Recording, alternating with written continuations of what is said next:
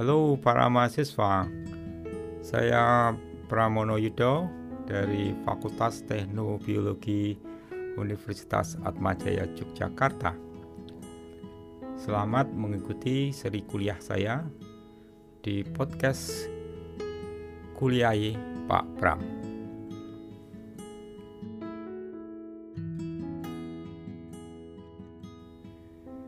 Oke, selanjutnya kita akan membahas tentang faktor-faktor penyebab kepunahan atau faktor-faktor pengancam. Kenapa suatu spesies saat ini terancam punah? Kepunahan pada era modern ini berbeda dibandingkan dengan kepunahan pada masa lalu baik dari segi skala waktu terjadinya dan juga faktor-faktor penyebabnya. Lima kepunahan massal sebelumnya terjadi dalam kurun waktu antara 1 sampai 10 juta tahun. Dan tentang penyebabnya memang ada beberapa teori yang diajukan. Mulai dari adanya kegiatan volkanik atau ada yang menyebutnya mega volkanik yang begitu dahsyat sampai adanya benturan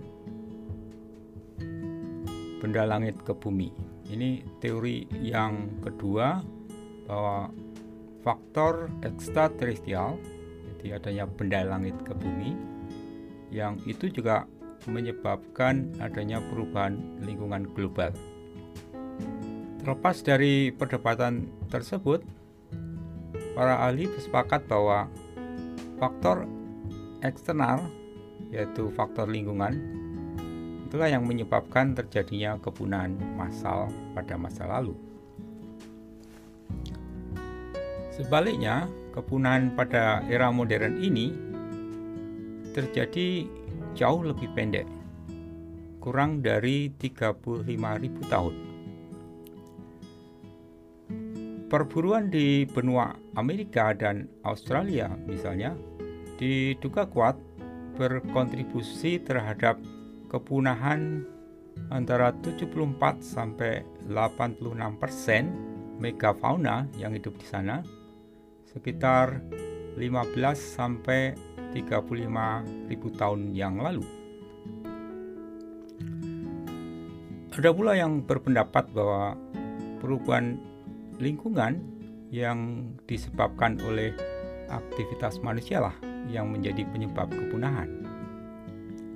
Seperti saat ini debat panjang tentang adanya perubahan iklim global.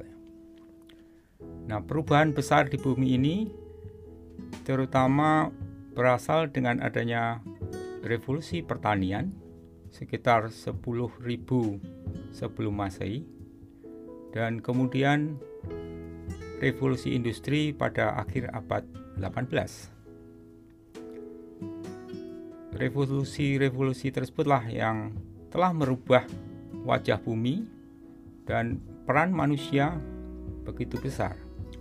Di mana manusia yang dulunya bagian dari alam menghargai alam, bermitra dengan alam, hidup harmoni dengan alam, kemudian berubah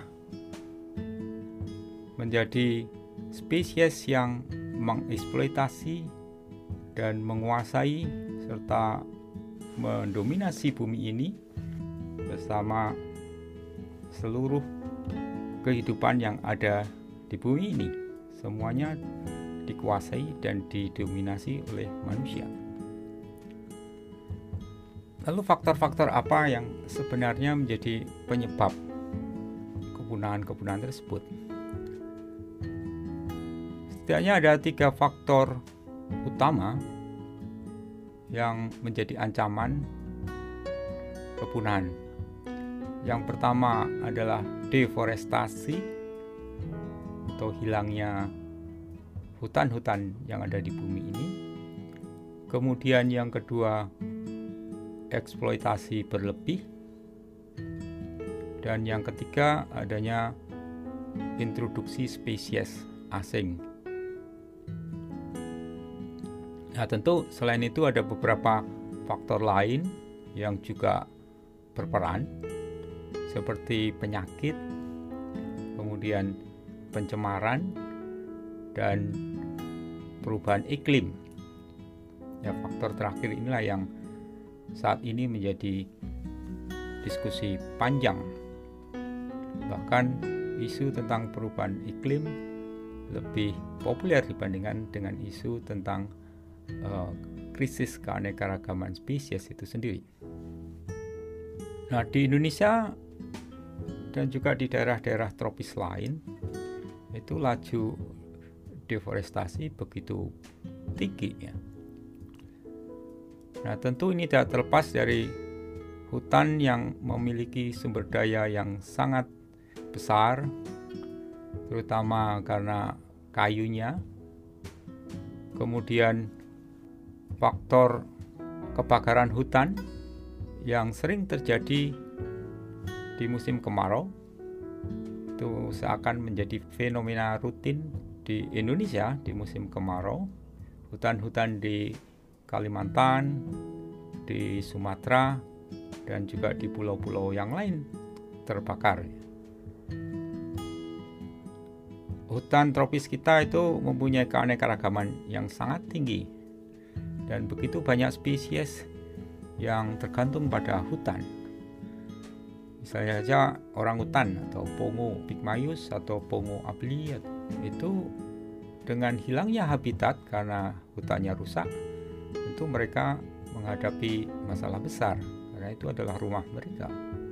Demikian juga jenis-jenis burung rangkong misalnya yang sangat tergantung pada pohon-pohon yang besar. 85% spesies burung di Indonesia itu adalah burung hutan dan status mereka itu sekarang terancam punah secara global. Jadi hilangnya hutan-hutan telah menyebabkan banyak spesies burung hutan yang terancam punah saat ini. Faktor lain adalah perdagangan satwa liar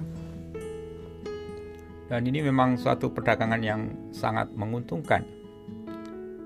Dorongan keuntungan ekonomi inilah yang telah mengantar beberapa spesies ke jurang kepunahannya. Contoh lain misalnya 10 spesies ikan paus terancam punah akibat perburuan. Dan ini terutama untuk memenuhi permintaan minyak ikan paus yang terus meningkat. Badak juga mengalami nasib yang sama karena culanya yang bernilai sangat tinggi untuk souvenir, untuk gagang senjata di Timur Tengah, atau untuk bahan obat-obatan, terutama di Cina. Gajah karena gadingnya, harimau karena kulitnya, atau bagian tubuh lainnya yang diperdagangkan dengan nilai yang sangat tinggi. Nah, selain untuk kepentingan konsumsi, bagian-bagiannya untuk hiasan, ada juga banyak spesies yang terancam punah karena perdagangan, itu karena adanya hobi atau kesenangan memelihara hewan, terutama memelihara satwa liar. Banyak burung-burung berkicau yang sekarang mengalami status terancam punah karena banyak diperdagangkan atau karena juga dia memiliki bulu yang indah sehingga menarik para kolektor untuk memilikinya. Hingga saat ini di Asia Tenggara terutama dikenal adanya Southeast Asia Songbird Crisis.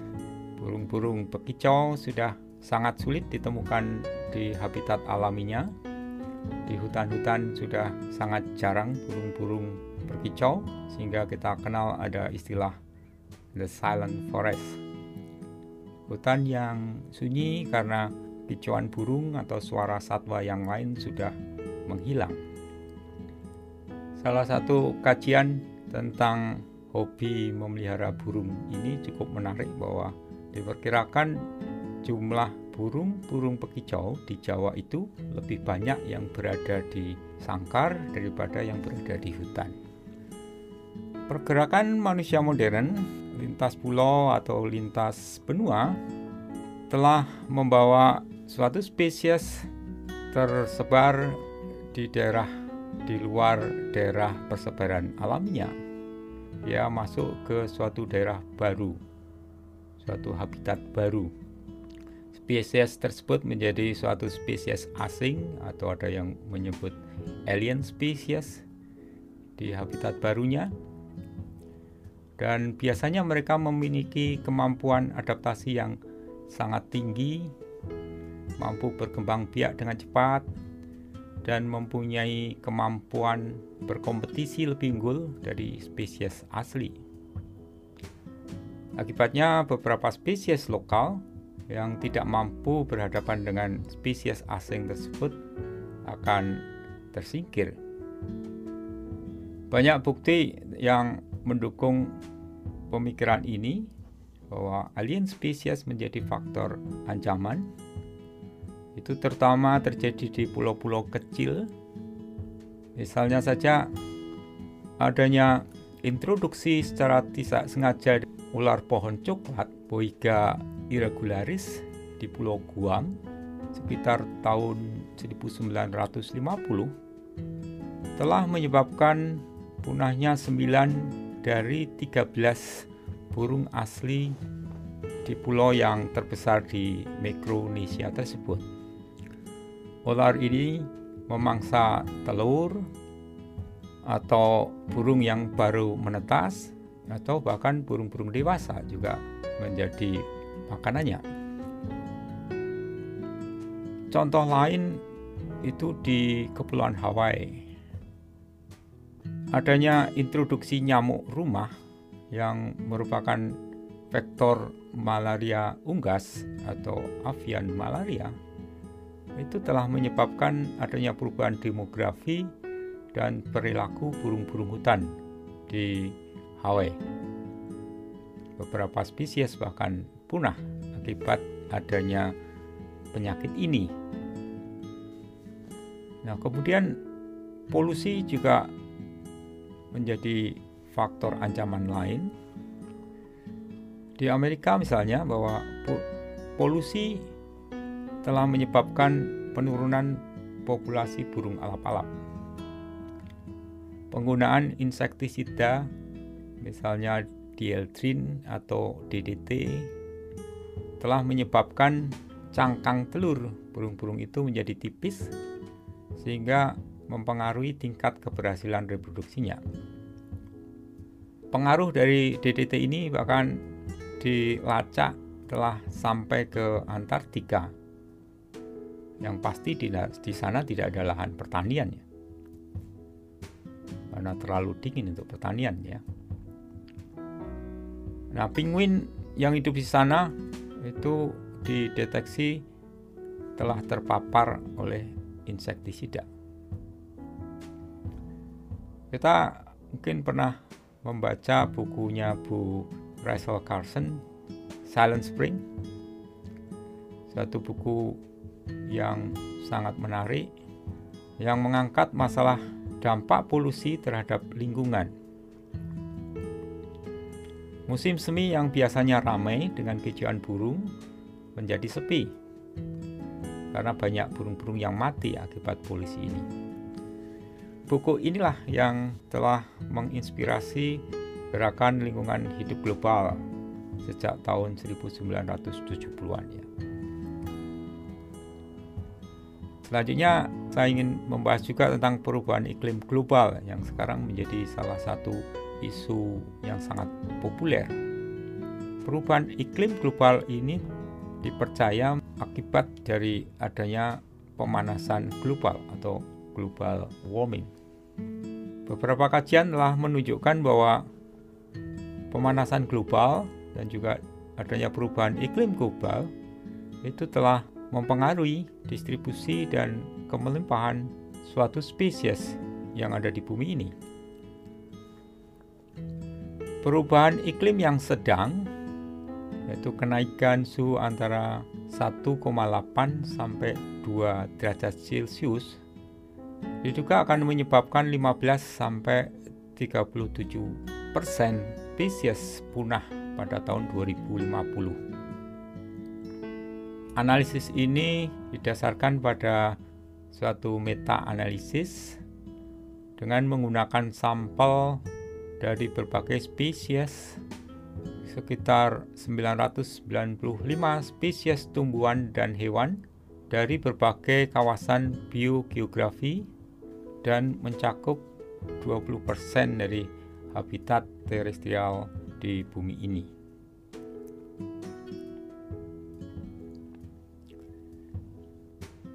Baik, inilah topik kuliah kita pada hari ini dan kita akan lanjutkan lebih detail faktor-faktor ancaman tersebut pada episode-episode selanjutnya. Terima kasih.